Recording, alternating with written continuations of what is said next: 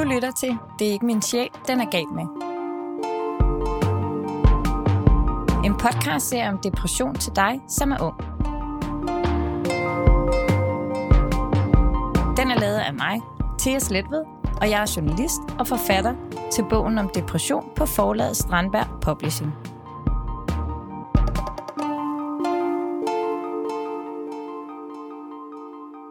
I dag skal vi tale om, hvad der sker, når man får en depression, mens man går i skole. Det kan nemlig påvirke din skolegang rigtig meget, fordi det kan blive svært at følge med, og fordi det er svært at holde fast i sine skolekammerater, når man har en depression. For nogen kan depressionen blive så slem, at de slet ikke kan komme i skole. Det oplevede Amalie, og derfor så er du her i dag, Amalie, og det er jeg rigtig glad for. Men vil du ikke lige fortælle os, hvad du er for en, inden vi går i gang med din historie? Jo, um, jeg hedder Amalie, og jeg er 20 år. Til daglig der arbejder jeg som bartender i uh, Esbjerg. Men uh, lige nu med corona, så bliver jeg mest derhjemme, så der er rigtig meget uh, Netflix og anime og tv-serier. Amalie, du blev diagnostiseret med depression, da du er 15 år gammel, og du får det faktisk så dårligt, at du ikke er i skole i næsten hele 9. klasse. Hvad sker der der? Da jeg starter i 9. klasse, der handler nok om, at alt det, der havde bygget sig op inden 9. klasse, bare sådan kommer væltende ned på en gang. Uh, jeg var ikke rigtig forberedt på, at det skulle ske overhovedet, og der var ikke nogen sådan direkte grund til det. Det er der stadigvæk ikke. Det var bare... jeg ved ikke, hvordan jeg skal forklare det. Hvad sker der? Jamen, det begynder at blive... Det bliver hårdere i skolen. Det bliver, det bliver hårdere og hårdere, og jeg ser mine venner mindre. De få venner, jeg har, de, de ser mig ikke, og jeg ser ikke dem. Jeg bliver mere og mere træt, og det er sådan noget med, at jeg kommer igennem skoledagen. Men der er ikke rigtig noget bagefter. Det er bare, man, ja, jeg går hjem, og så græder jeg lidt, og så falder jeg i søvn. Jeg kan godt sove i op til 12 timer hver dag, uden at have behov for at sove så meget. Og så der i 9. der begynder du at få fri fra nogle fag, fordi at du ikke har det så godt? Ja, det starter med idræt. Starter med, at jeg har det ikke særlig godt i idræt, og jeg har noget astma, som min lærer var sådan, de, de siger, at ah, det er fint nok. Det kan vi godt uh, undtage dig fra. Så jeg begynder at blive undtaget for idræt, og det hjælper til at starte med. Men det er kun de to timer ud af hele skoleugen, så det giver ikke ret meget. Det hjælper i de første to uger, og så derefter, så bryder jeg sammen igen. Og så er det ikke nok, og så er det en uge til efterårsferien. Så siger mine forældre, okay, så tager vi en pause, og så kan vi snakke med din lærer om et skåneskema bagefter. Og jeg kommer aldrig tilbage til skolen på skoleskema. Hvorfor gør du ikke det? Det bliver for meget for mig at tage i skole. Jeg kan slet ikke, øh, jeg kan ikke komme ud af sengen. Jeg ligger om morgenen, og jeg kan ikke bevæge mig overhovedet ikke. Så jeg er nødt til at, jeg, jeg ringer til min far om morgenen, og jeg siger til ham, jamen jeg kan ikke komme ud af sengen. Jeg kan simpelthen ikke bevæge mig. Jeg ligger der lammet. Altså, hvis det ikke var for, for, for sådan iPhone, så kunne jeg ikke ringe til min far, for jeg var nødt til at bede Siri om at gøre det. Jeg lå der fuldstændig lænket til min seng af ren udmattelse og mangel på, på energi, der kom fra depression. Blev du bange? Enormt.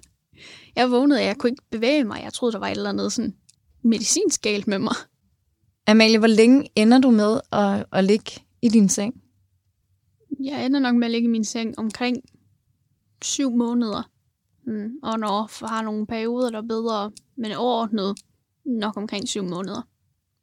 Så du ender jo nærmest med ikke at være i skole i et helt skoleår, men du er jo nødt til at gå til din afgangseksamen, så du kan få en videre uddannelse. Hvordan går det? De fag, jeg havde nemt ved i forvejen, engelsk, dansk, øh, geografi for eksempel, det gik fint. Der var ikke rigtig noget at kæmpe med. Øh, men matematik og tysk var et problem. Til matematikeksamen om morgenen, der fik jeg et angstanfald og endte med at få min far til at ringe til skolen, så jeg endte med at skulle op til sygeeksamen senere. Og så til tysk eksamen gik det helt galt. Og der ligger jeg på badeværelsesgulvet derhjemme, og jeg græder, jeg græder, jeg græder med sådan et stort, stort angstanfald. Så det ender med, at min mor hun slæber mig op på skolen. Jeg ved ikke, hvordan hun får det gjort. Får mig til at gå op på skolen, og så sidder jeg uden for klasselokalet og venter på min lærer og sensor. Og jeg græder, og jeg græder, og jeg hyperventilerer, jeg kan slet ikke trække vejret. Og så kommer jeg ind til min tyske eksamen med et angstanfald, og altså min stakkels lærer og stakkels sensor, der ikke har nogen idé om, hvad der foregår. At jeg sidder der og prøver at hulke mig igennem tysk, mens jeg sidder og græder og hyperventilerer. Og min lærer prøver så hårdt. Hun er så sød ved mig og prøver virkelig sådan, okay, hvis du bare kan, hvis du bare kan introducere dig selv på tysk, og jeg sidder med tårer i øjnene og snøfter og sidder der sådan sådan, ich, ich, ich bin, og jeg kan slet ikke holde til det, og så får jeg 0-0. Det her med, at din mor simpelthen må slæbe dig op til skolen, hvorfor er det så svært for dig at komme op på skolen? Jeg er ikke helt sikker. Det er jeg til den dag stadigvæk ikke. Jeg ved bare, at hver eneste gang jeg kom op på skolen, så fik jeg det værre og værre, og vi, vi kunne, altså, når man kører, vi kører forbi om aftenen, hvis vi har været ude gå eller i biografen, bare det at køre forbi skolen, det var nok til, at jeg fik det dårligt fysisk. Jeg kunne, jeg kunne bare ikke holde til det. Så snart jeg kom i nærheden af den der grund, så begyndte jeg at, og det trykkede på brystet, og jeg kunne bare ikke, jeg var nødt til at kigge væk, og jeg kunne ikke holde til det. Amalie, for at sådan rigtig forstå din historie, så synes jeg, vi skal gå tilbage til den Amalie, du ligesom var, inden alt det her begyndte. Hvad, hvad var du for en pige i folkeskolen? Jeg var stræber. For at se livet er total stræber, 12-tal i alting, og jeg skulle aldrig lave lektier. Jeg var bare begæret hele vejen igennem. Der var en, øh, en skolehjemsamtale i 5. klasse, vi havde. Min dansk lærer sagde, Amalie, hun er jo vores lille ordbog. Der er ikke noget ord, hun ikke kan, og hun kan stave til det hele, og definition på alting. Og jeg elskede den lærer, han var fantastisk. Men det var bare måske ikke det bedste pres at sætte på en, der er 12 år gammel. Det var bare det, det pres der, og jeg havde ikke sådan, havde ikke mange venner. Jeg var aldrig populær. Jeg var aldrig sådan rigtig ensom, heller ikke. Jeg, jeg havde venner i skolen, men jeg havde ikke venner uden for skolen. Så det var det der med, når man var i skolen, vi kunne godt snakke sammen, eller lege sammen, være med til at spille fodbold. Og så gik jeg hjem. Og så var jeg der selv. Så du var dygtig, og du havde det let i skolen, men på en eller anden måde var du måske ikke så meget en del af fællesskabet? Helt klart. Altså, jeg så mange af dem, der gik i klassen, lægge op på Instagram, at så var de inde i byen og spise is, eller i H&M og købe noget nyt tøj. Og jeg sad derhjemme. Det var ikke en invitation, jeg fik, men det var heller ikke noget, jeg havde noget imod. Jeg havde lidt den der med, at om, jeg var den kloge i klassen, så jeg var ikke ligesom de andre piger. Jeg var speciel på en eller anden måde. Det var ligesom den tankegang, jeg havde for at, at cope med det, uanset hvor usundt den nok har været. Følte du dig udenfor, eller fik du ligesom lavet en historie, hvor at, at det var ok, at det var sådan? Ja, det var nok mere det der med at lave en historie. Sådan, jeg har altid læst bøger og skrevet historier selv, så det er den der tanke med, at okay, men for at være hovedpersonen, så skal du også igennem noget. Og det her, det var ligesom, det var det, jeg tænkte, åh, det er det her, jeg skal igennem for, for at komme til mit eventyr. Det her min tragiske baggrundshistorie. Så blev den så bare endnu mere tragisk. Du siger også, at det var et pres, det der med at være så dygtig, og at alle synes, du var så dygtig. Hvordan det? Der var en forventning om, at, at jeg kunne alting første gang, jeg prøvede det. Både fra skolen, men også for, fra derhjemme. Nødvendigvis ikke med vilje derhjemmefra. Men jeg har en søster, der er ordblind, for eksempel. Så jeg havde sådan et personligt behov for, at okay, så skal jeg, jeg skal være bedre. Og selvfølgelig var jeg bedre, hun er ordblind. Men for mig, der var der en eller anden idé om, at, at det var ikke nok bare kun basis. Jeg skulle være endnu bedre. Og så specielt, når vi havde nationale test. Jeg kan huske, at, at sådan, de bliver inddelt i sådan, hvor langt du er i forhold til. Og jeg fik altid over gennemsnit. Og jeg troede, det var det, var det bedste, det var det bedste. Jeg var altid over gennemsnit. Indtil det var, jeg snakkede med en af pigerne fra klassen om det, og jeg, hun var hvordan gik det? Jeg sagde, om, om jeg fik over gennemsnit, fordi det gør jeg altid. Hun sagde, åh ja, det gjorde jeg også. Jeg fik den, der hed øhm, øverste 10 procent. Og så sidder der sådan, er der en kategori, der hedder øverste 10 procent? Jeg troede, jeg troede over gennemsnit var den højeste kategori. Og jeg kom hjem, og jeg brød helt sammen. Fordi jeg var ikke de øverste 10 procent, jeg var, jeg var kun over gennemsnit. Hvad betød det for dig? Det betød, det var den personlighed, jeg havde. Det der med at være den kloge i klassen, den der var foran, den altid havde ret, den altid vidste alting. Det, det blev hele min personlighed, mm. som jeg baserede det på. Jeg havde ikke rigtig nogen hobbyer. Skole var hele min personlighed og hele min hverdag. Og hvis jeg så ikke kunne have det, så følte jeg, at jeg mistede, hvem jeg var.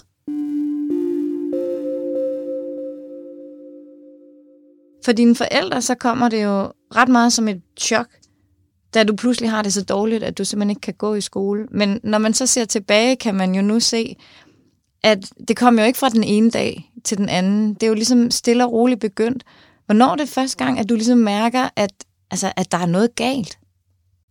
Jeg tror første gang, jeg mærker, at der er noget galt, det er omkring starten af 7. klasse. Og det er nok startet mest i sådan at kigge på sådan, sådan kroppen.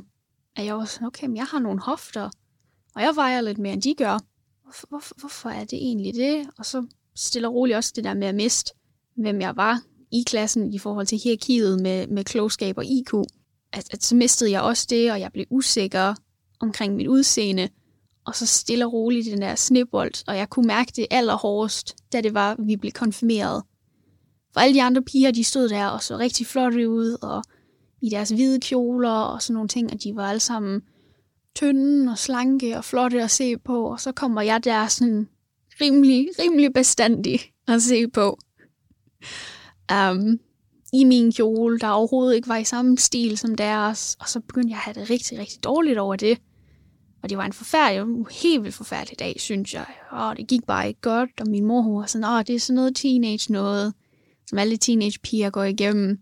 Sådan er det bare og tænker ikke rigtig over det, men jeg, altså sådan, jeg hænger mig rigtig, rigtig meget i det, at altså sådan, der, går, der går næsten et år, før jeg kommer mig over, at jeg havde en dårlig konfirmationsdag. Og, og det er nok sådan det første af det. Den der, den angst med, at man bliver ved med at gå over en situation, over en situation. Hvad kunne jeg have ændret? Hvad kunne jeg have gjort anderledes? Og hvis jeg havde haft mit hår sat på en anden måde, eller hvis jeg havde haft nogle andre sko på, havde det så været bedre?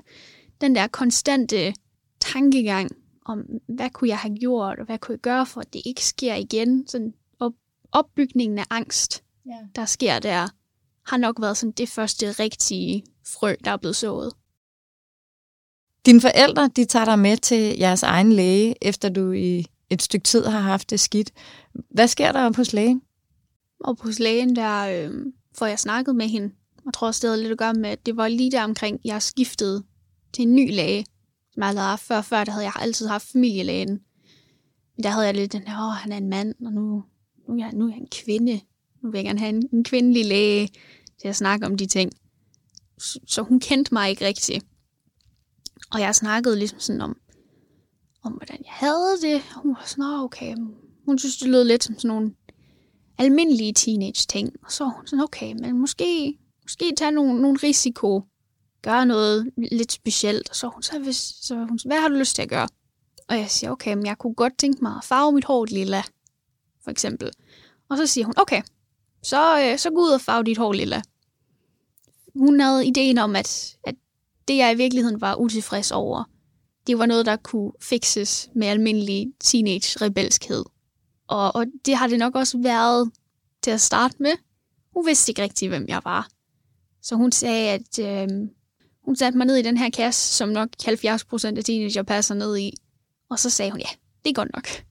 Hvad tænkte du om det, at, at det ligesom blev betegnet som skoletræthed og teenage noget? Jeg vidste egentlig godt på det tidspunkt, at, at det var det ikke. Og der gik et par måneder, og så kom jeg tilbage til lægen, og lægen var igen sådan, Nå, men det, det er skoletræthed, og du, du skal bare igennem til eksamen om sådan en halvandet års tid. Det var i midt i 8. klasse. Og hun sagde sådan, om du sidder der i din, i din pæne sko, og dit, dit hår ser pænt ud, og du har makeup på, og dit tøj er sammensat i en, i en pæn måde. Så hun mente, at jeg kunne ikke, jeg kunne ikke have problemer. Fordi udadtil så jeg ikke ud, som om jeg havde problemer.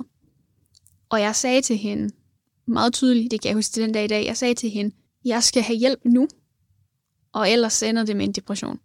Og hun skubber mig til side og siger, nej, nej, det gør det ikke.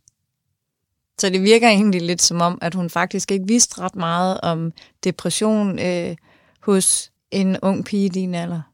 Rigtig, rigtig meget. Det var ikke før jeg kom tilbage en tredje gang og sagde, jeg har brug for hjælp. Hvor det var, jeg så havde joggingbukser på og en stor striktrøje, og mit hår var ikke blevet vasket i sådan to uger. Det var ikke før mit ydre reflekterede, hvordan jeg havde det, at hun tog mig seriøst. Hvordan havde du det med det? Det er ikke særlig rart at få at vide som, som teenager eller som menneske, specielt i sådan de formative år, at sådan som du ser ud, det er det, du bliver dømt på. Hvad med nogle af dine læger? Er der nogen, som opdager, at der er noget galt, og som gør noget for at hjælpe dig? Det kan godt være, at de, de opdager, at der er noget galt, men de siger aldrig noget til mig om det. På et tidspunkt i dansk, der skulle vi skrive et digt, og jeg kan huske, at jeg skrev et digt, der hed Hvis jeg ikke var her. Enormt, enormt deprimerende og meget trist. Men der var ikke nogen, der, der, der er ikke nogen, der spørger mig om det. Der er ikke nogen, der spørger mig om, hvorfor jeg har skrevet et digt, der i meget, meget øh, tydelig subtekst handler om, hvis jeg begik selvmord. Der er ikke nogen, der spørger om det. Hvad skrev du? Jeg, jeg skrev sådan noget med, at hvis, hvis jeg ikke længere var her, var der nogen, der ville lægge mærke til det, og at, at den, den veninde, jeg havde engang, hvordan reagerer hun? Det var noget med, at der var en linje, der var sådan, min, min bedste veninde, der engang troede på feer, prøver nu, på trods af alting, at tro, at jeg stadigvæk er her. Sådan nogle ting. Mm. Og der var ikke nogen af mine lærere, der, der spurgte mig, om jeg, om jeg havde det godt, om jeg er okay. Den blev bare hængt op på tavlen sammen med alle de andre digte. Hvad tænker du om det i dag? Jamen, jeg synes, det er forfærdeligt. Jeg, jeg har ikke rigtig, jeg har ikke tænkt på det før, før nu, sådan set, at det var sådan et tydeligt råb om hjælp. Og der var ikke nogen, der gjorde noget, og der var ikke nogen, der sagde noget overhovedet. Og så kan jeg ikke lade være med at tænke, at der var en, en anden pige i min klasse, der fik en spiseforstyrrelse i 9. klasse. Og lærerne var så opmærksomme på hende, fordi det var noget, de fysisk kunne se. Det, det, det handlede om hende altid i frikvarteren, der tjekkede de på hende. Men så gør jeg noget for at få opmærksomhed på den måde, for at få hjælp på en eller anden måde. Og de ignorerer det bare. Fordi hun ser fint nok ud. Hun kom i skole med sådan en pæn nyfarvet hår her til morgen. Hun har det jo fint. Så er det, vi kommer til, til 9. klasse, hvor at det hele det ligesom falder sammen for dig. Hvordan ser din dag ud? Jeg vågner omkring klokken 12 midt på dagen, og så ligger jeg i min seng i et stykke tid, og jeg står op og, og får et eller andet at spise. Jeg er enormt heldig i, at jeg hverken overspiser eller underspiser på det tidspunkt, fordi der er så mange, der er påvirket af den ene eller den anden vej. Jeg er enormt heldig, at jeg stadigvæk har appetit og føler sult. Så jeg får noget at spise, og så sætter jeg mig ned for at se fjernsyn. På det tidspunkt, der tror jeg, jeg var i gang med Orange is the New Black. Starter på den, øh, og så ser jeg den, indtil mine forældre kommer hjem. Så spiser vi aftensmad, og jeg ser fjernsyn sammen med min far. Og så går jeg i seng, og så går jeg ind på min værelse, og så sidder jeg og ser fjernsyn igen, indtil klokken halv fire, fire om morgenen. For inden det, der føler jeg mig ikke træt. Og så sover jeg til klokken 12 igen. Og så gentager jeg dagen. Og hvis jeg bliver færdig med en tv-serie, så startede jeg forfra på den samme tv-serie. Jeg var, jeg var hjemme i syv måneder, og jeg nåede at se to tv-serier. Hvad gør dine forældre ved, at du ligesom bare sumper rundt der? De har meget forskellige tilgang til det. Min far lader mig sådan lidt være. Han har det sådan, at hvis hun skal få det bedre, så skal hun nok selv tage initiativ til det på et tidspunkt. Hvilket jeg også jeg, jeg gjorde, men der gik lang tid. Min mor har den en eller anden metode. Hun tænker, okay, hun skal simpelthen skubbes i gang, så hun laver et, et schema til mig derhjemme, som involverer, at jeg skal ud og gå to timer hver dag, og jeg skal spise frokost på det samme tid, og jeg skal have, jeg skal have en time, hvor jeg skal skabe et eller andet, om det så er at male en stol, eller skrive et lille digt. Men jeg skal skabe noget hver dag. Jeg skal gøre noget hver dag. Og det holder jo ikke, for jeg bare ligger i sengen. Nej, jeg skulle til at spørge, hvad hjalp dig ligesom bedst? Jeg er her stadig, som min fars metode vandt til sidst. Um, men det har nok været en kombination af begge dele. For mens jeg ikke kunne følge min mors schema 100%, så det der med at komme ud og gå en tur, det, det giver noget. Uanset hvor mange gange ens forældre siger til hende, oh, du skal bare ud og gå en tur, og så virker det også. Jeg ved, du også var omkring noget øh, børne- og ungdomspsykiatrisk afdeling, hvor du får stillet diagnosen, og, hva- og hvad får du ligesom af hjælp derfra?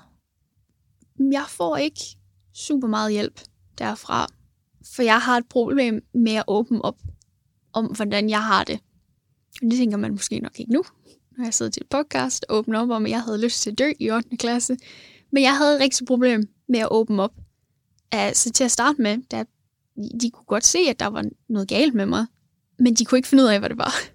Så jeg, jeg giver dem virkelig ikke noget at arbejde med, men jeg giver dem nok til, at de kan sige, okay, men du er i hvert fald deprimeret, for det kunne, vi, det kunne de se på mig. Men jeg giver dem ikke super meget arbejde til, hvorfor, og de prøver sådan, er det, er det skolen? Og sådan, hmm, nej. Så, Bliver du mobbet? Hmm, nej, egentlig, egentlig ikke. Okay. Og de prøver, og de prøver, og de prøver, og jeg giver dem ingenting. For jeg har bare ikke lyst til at snakke om det. Og hvis de spørger sådan, når jeg kommer ind, så spørger de, hvordan var din uge? Og jeg siger, om det er fint nok. Jeg har ingen energi til at være følelsesmæssigt sårbar. Det ender med at gå så galt, at til et møde med mine forældre, jeg siger psykologen, ja, vi tror, hun har en personlighedsforstyrrelse. Og så vi kommer hjem, og jeg får snakket med dem, og så er min far sådan lidt, Amalie, nu åbner du fandme op, fordi du har ikke en personlighedsforstyrrelse, og det er det, de prøver at skubbe på dig. Og jeg er enormt heldig, jeg er under 18. For hvis jeg ikke var, så ville det blive skrevet ned i mine papirer, at jeg har en personlighedsforstyrrelse, når det var totalt løgn. Og det er lidt det, der giver mig det kick til at være sådan, okay, jeg er nødt til at åbne op, hvis jeg vil have det bedre, hvis jeg vil have noget hjælp. Så der, der indser du simpelthen, at, at du får det simpelthen ikke bedre af. Det kan godt være, at du går til psykolog, men, men med mindre, at du selv ligesom er med i processen, så er der altså ikke noget, der gør, at du får det bedre. Jeg indser, at jeg er nødt til at arbejde for det, og det kommer lidt bag på mig. Jeg troede, jeg troede, det var meningen, det var en psykolog, der skulle gøre alt arbejdet, og så siger de, puff, nu har du det bedre, og så har du det bedre. Men det er en selv, der skal lave alt arbejdet. Så de giver dig halvdelen af et kort. Så skal du selv følge kortet ud, men du skal også følge kortet hen til, hvor du skal hen. Og hvad gør du så? Det er omkring her, jeg begynder at blive stedig. Jeg har altid haft det der med, at jeg skal være den bedste, eller nu skal jeg vise jer, hvad jeg kan. Det tager jeg med mig ind i sådan min bedring. Så jeg ligger der i sengen og tænker, at psykologen har ikke hjulpet mig, og de professionelle, de kan ikke hjælpe mig. Jamen, så skal jeg vise dem. Så skal jeg rigtig vise dem, hvem der kan hjælpe mig. Jeg kan blive rask i, i rekordtid, når det er mig selv, der skal til at gøre det. At jeg har den der stedighed, der ligesom skubber mig i gang. Den der idé med, at okay, nu har jeg været igennem det her. Nu har jeg min, min tragiske baggrundshistorie, og nu skal den bruges til noget. Tag den en dag ad gangen, og en dag ad gangen, og en dag ad gangen. Og så lad mig selv gøre ting, jeg har lyst til. Det er en af de ting, der har reddet mig. Indse, at der er nogle sociale regler, du kan, du kan bryde. At hvis du vågner klokken 3 om natten og har lyst til Nutella, så er der ikke nogen, der stopper dig for at gå ud og tage en ske, og så spise en ske fuld Nutella og gå i seng igen. Det giver noget rebelsk glæde, en eller anden form for kaos. Og det der med, at når man har angst, og hvis man har sådan lyst til at, at gøre skade på sig selv, for eksempel. En af de ting, der er sjove at gøre, og selvom du ikke har problemet, at tage et brusebad med tøj på. Og stå ude i bruseren med tøj på, det føles enormt forkert, og helt vildt kaotisk. Men det giver en eller anden form for, for udløb af følelser, som du tænkte, at det ikke kunne gøre. Så alle de der små ting, gå rundt i højhælede sko, selvom du har pyjamas på. Og give ind til alle de der små glæder, man tænker, ej, det kan jeg ikke gøre, eller ej, det, det virker også sådan lidt forkert. Bare gøre det, og sådan ligesom give efter for det der kaos, som mine venner kalder det, det koffeinkaos, kalder mine venner det. Når du har fået lidt for mange kopper kaffe, og du tænker, ja, jeg kunne tage ud og løbe lige nu, og de siger, at klokken er tre om natten. Men jeg kan godt tage ud og løbe lige nu, selvom klokken er tre om natten, for det har jeg lyst til. Og lad sig gøre det. Så i virkeligheden virker det som om, at du begynder at lytte mere til, hvem den virkelige Amalie egentlig er, og, har, og hvad hun har lyst til, i stedet for at prøve at lave en historie midt i det der store pres. Jeg begynder at finde den personlighed, jeg ikke vidste, jeg havde. Jeg tænkte, min personlighed er, er hvor klog jeg er. Men i virkeligheden, så har min personlighed også noget at gøre med, at jeg kan egentlig godt lide at dykke sport, og at, okay, jeg kan godt lide, jeg kan godt lide tv-serier, men jeg kan også godt lide de der sådan lidt mærkelige tv-serier. Det får man også noget ud af. Sådan stille og roligt at grave frem. Hvem er jeg? Hvad kan jeg lide? Hvad gør, hvad gør mig speciel? Jeg tænkte på, Amalie, undervejs i det her forløb, øhm, hvor du er hjemme, er der nogle af dine klassekammerater, der ligesom kontakter dig? Der var en gruppe, en 5-6 piger, der kontakter mig og spørger, om de må komme forbi en dag efter skole. Og det siger jeg til, og de kommer forbi, og vi sidder og snakker lidt, og så går de hjem igen. Men det, det føles ikke nødvendigvis, som om det var noget, de gjorde, fordi de holdt af mig. Det føles mere, som om det var noget, de gjorde, fordi de følte, de burde.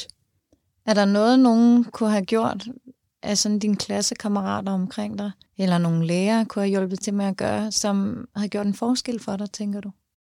Jeg tror, der var mere lærerne kunne have gjort, end øh, de andre elever. I, I 9. og 8. klasse, der alle folk har deres egne problemer, så det, det kan være svært at være der for hinanden. Men lærerne kunne godt lige have med siden en gang imellem. Lige var sådan, du er okay, går det godt derhjemme? Og sådan nogle ting, i stedet for bare at kigge på, om hun har, hun har sammensat tøj, hun får stadig gode karakterer. Det er fint nok. Se lidt mere på eleverne. Kig dem i øjnene. Og se, om der er noget. For det var der ikke rigtig nogen af mine lærere, der gjorde. Det var bare strictly business. Og man kan sige, du kom jo heller ikke hen til lærerne og sagde, hey, der er noget galt, jeg har brug for hjælp. Men, men det gjorde du jo så alligevel på en anden måde ved det digt, du for eksempel skrev. Og jo så ikke fik nogen reaktion på. Jeg følte mig magtløs i, at jeg ikke kunne gøre noget. Jeg følte, at jeg var fanget nede i et, i et sort hul.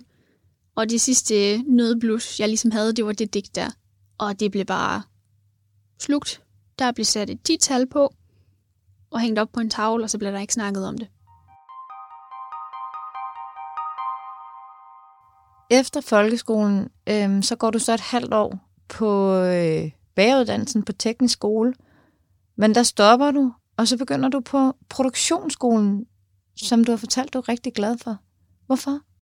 Jeg tror, det var den frihed, der var på produktionsskolen. Du valgte et generelt område, du ville gå ind på, og jeg valgte øh, fotografi og IT. Så var der, du bippede ind om morgenen, og så bippede du ud, når du gik hjem.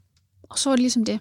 Du var din egen chef i det, at du fik en opgave, og så bestemte du selv, hvordan du løste den opgave.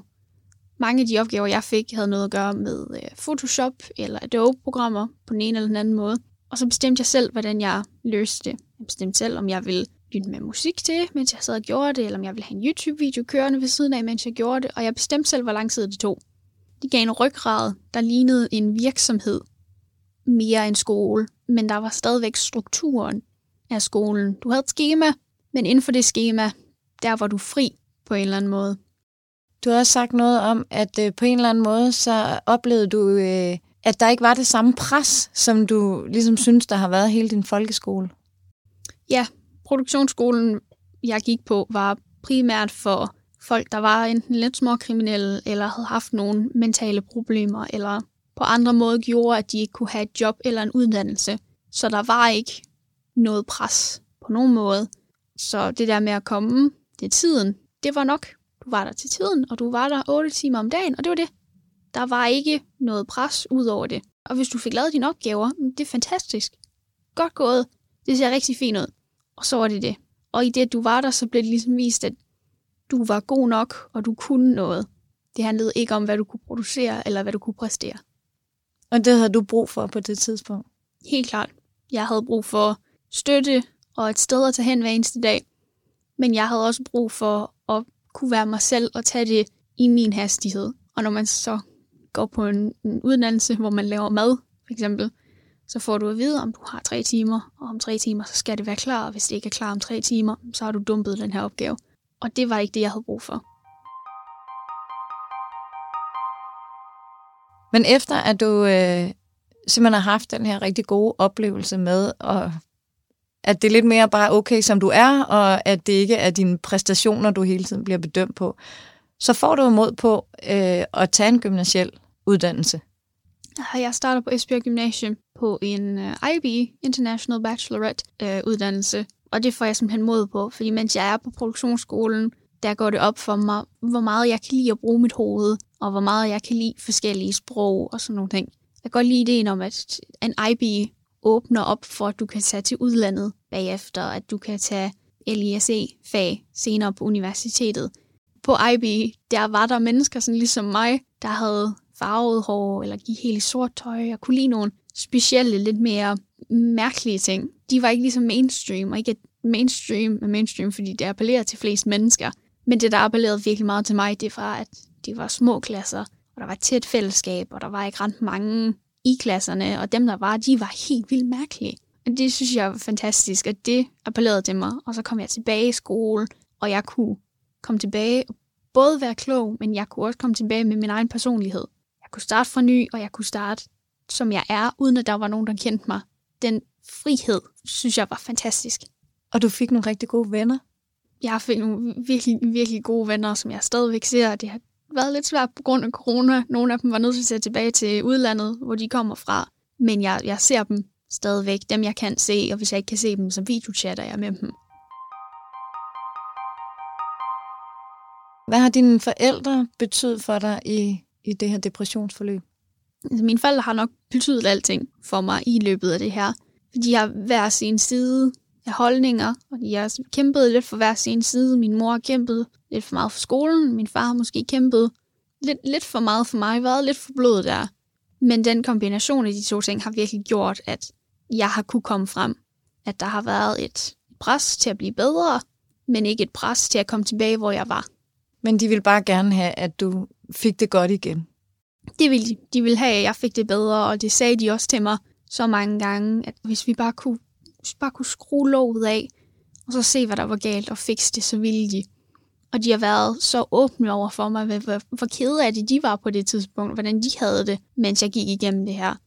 Jeg har kunne se, hvordan det har påvirket dem, og jeg kan stadigvæk se, hvordan det har påvirket dem. Men det har også bare betydet, at jeg har kunne se, at det var et vigtigt problem. At det var ikke kun noget, jeg følte. Det, det påvirkede dem, og jeg kunne se, at hvor meget de elskede mig i forhold til det. Så det gav mig også noget motivation til at få det bedre, fordi jeg har ikke lyst til at se mine forældre græde. Har du haft dårlig samvittighed over det? Ja, det har jeg haft rigtig, rigtig meget dårlig samvittighed over det. Specielt i forhold til, at min mor gik i skole på det tidspunkt, studerede. Så hun har haft nogle meget lange nætter. Hun er først kommet i seng klokken halv fem om morgenen, fordi jeg har haft en form for angstepisode, eller sådan noget, eller bare haft brug for, brug for at snakke. Amalie, hvordan har du det i dag? Jeg har det, jeg har det rimelig godt. Det, det har været lidt svært med øh, corona, for jeg er stadigvæk rimelig afhængig af at have en nogenlunde hverdag, der hænger sammen. Noget at bruge mit hoved på. Og det er lidt svært, når alting er lukket ned. Men generelt så har jeg det godt. Og jeg følger stadigvæk det der med, at hvis jeg har lyst til at gøre noget, så prøver jeg at gøre det. To meter væk fra alle andre. I min egen sociale boble. Men ellers så det, det går godt. Jeg skal starte på uddannelse til august, og jeg er i gang med at lede efter en lejlighed, og jeg har et job, når vi åbner igen. Så jeg har det godt i dag, og det har på en eller anden måde været det værd. Hvordan det? Jeg har bare lært så meget om mig selv, og min familie og mine forældre igennem det her forløb, at bare fordi der sker noget, så betyder det ikke, at det hele andet skal gå under, men også, at de, mine forældre støtter mig. Hvis det virkelig, altså sådan, hvis det virkelig, virkelig går galt, så er mine forældre der altid. Og at jeg kan ikke komme i en dybere situation, som jeg ikke selv kan få mig selv ud af, for nu har jeg været igennem det her i sådan en tidlig alder. Jeg kan bruge det til alting. Så er du bange for at få depression igen? Der er altid den frygt for at få depression igen. Jeg har ofte sammenlignet det med, at hvis du får lungekræft, og så bliver du kureret, du kommer stadigvæk til at tænke på det, hver gang du hoster. Og det gør jeg, hver gang jeg sådan ligesom har sådan en sky i hovedet, eller jeg er træt, føler mig sådan ked af det, uden, uden nogen grund til det. Så er der sådan en lille flash ind i hovedet, der tænker, åh oh, nej, er det det igen? Men det kommer aldrig til at nå til det punkt, som det var, for jeg er så opmærksom på det. Hver gang der kommer det der flash, så tænker jeg, er det det? Der er ikke nogen grund til, at det skal være det. Og jeg kæmper for, at der altid skal være noget positivt, og der skal altid være noget at se frem til. Så jeg kæmper så meget for, at det ikke kommer tilbage, at jeg tror ikke, det er en mulighed, at det kan komme tilbage. Hvis du tænker tilbage, Amalie, er der så noget, du kan se nu, som kunne have hjulpet dig dengang, at du fik det rigtig svært i folkeskolen?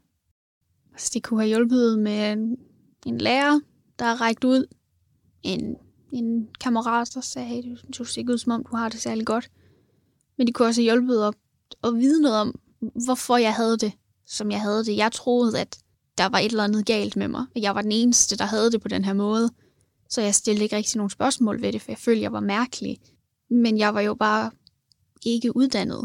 Jeg vidste ikke, hvad der foregik. Jeg vidste ikke, at de tanker, jeg havde, var sådan normale til et vist punkt. Altså, du vidste ikke, at, at noget af det, der også var på spil, for eksempel kunne være en depression?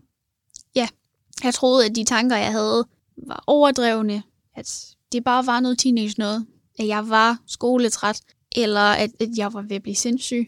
Fordi depression, det var kun sådan noget kendte mennesker fik, eller sådan noget, man fik, når det var, man var voksen og 50 og fortrød sit liv, eller sådan noget. Man bliver ikke deprimeret som 15-årig. Det er der aldrig nogensinde nogen, der har fortalt mig noget om. Så synes du simpelthen, at der mangler viden om øh, depression hos, hos børn og unge? Helt klart. Vi snakker om seksualundervisning, og vi har vores fysiske sundhed, men vi snakker ikke om mental sundhed. Det eneste mentale sundhed, vi snakker om, det er om, om får du sovet nok, og får du for meget sukker, hvilket også igen er fysisk sundhed. Vi snakker ikke om stress, vi snakker ikke om angst, vi snakker ikke om depression, som er nogle ting, der virkelig, virkelig påvirker i dag, specielt med det samfund, vi bor i. Kunne det have ændret noget for dig, hvis du havde vidst de her ting, hvis det var noget, man simpelthen talte om øh, i, i klasseundervisning? Det tror jeg. Bare det at vide, at jeg ikke var den eneste, og de ting, jeg følte, var ikke, ikke ualmindelige. At det var noget, der var set før. Er der noget, som øh, forældre bør vide mere om? Jeg synes, forældre burde gøre mere, mere research i det. Og snakke med deres børn, specielt i forhold til det der med sociale medier. Hvordan det påvirker dem, hvordan de har det med det. Måske aftale ikke antal tid, man bruger på sin telefon. En helt anden debat. Men simpelthen bare snak med børnene om, hvordan har de det? Når man sidder ved aftensmadsbordet alligevel, så bare sådan, hvad, hvad har du lavet i dag? Hvis de siger, om jeg havde lidt sådan en trist dag, så hvorfor har du haft en trist dag? Bare at snak med sine børn er nok sådan den største gave, mine forældre har givet mig, at de snakker med mig. Du har talt meget om det her pres, du har oplevet, øh, da du gik i skole. Er det noget, du synes, at der sådan er generelt, at der simpelthen er for meget pres på jer, i, når I går i folkeskolen?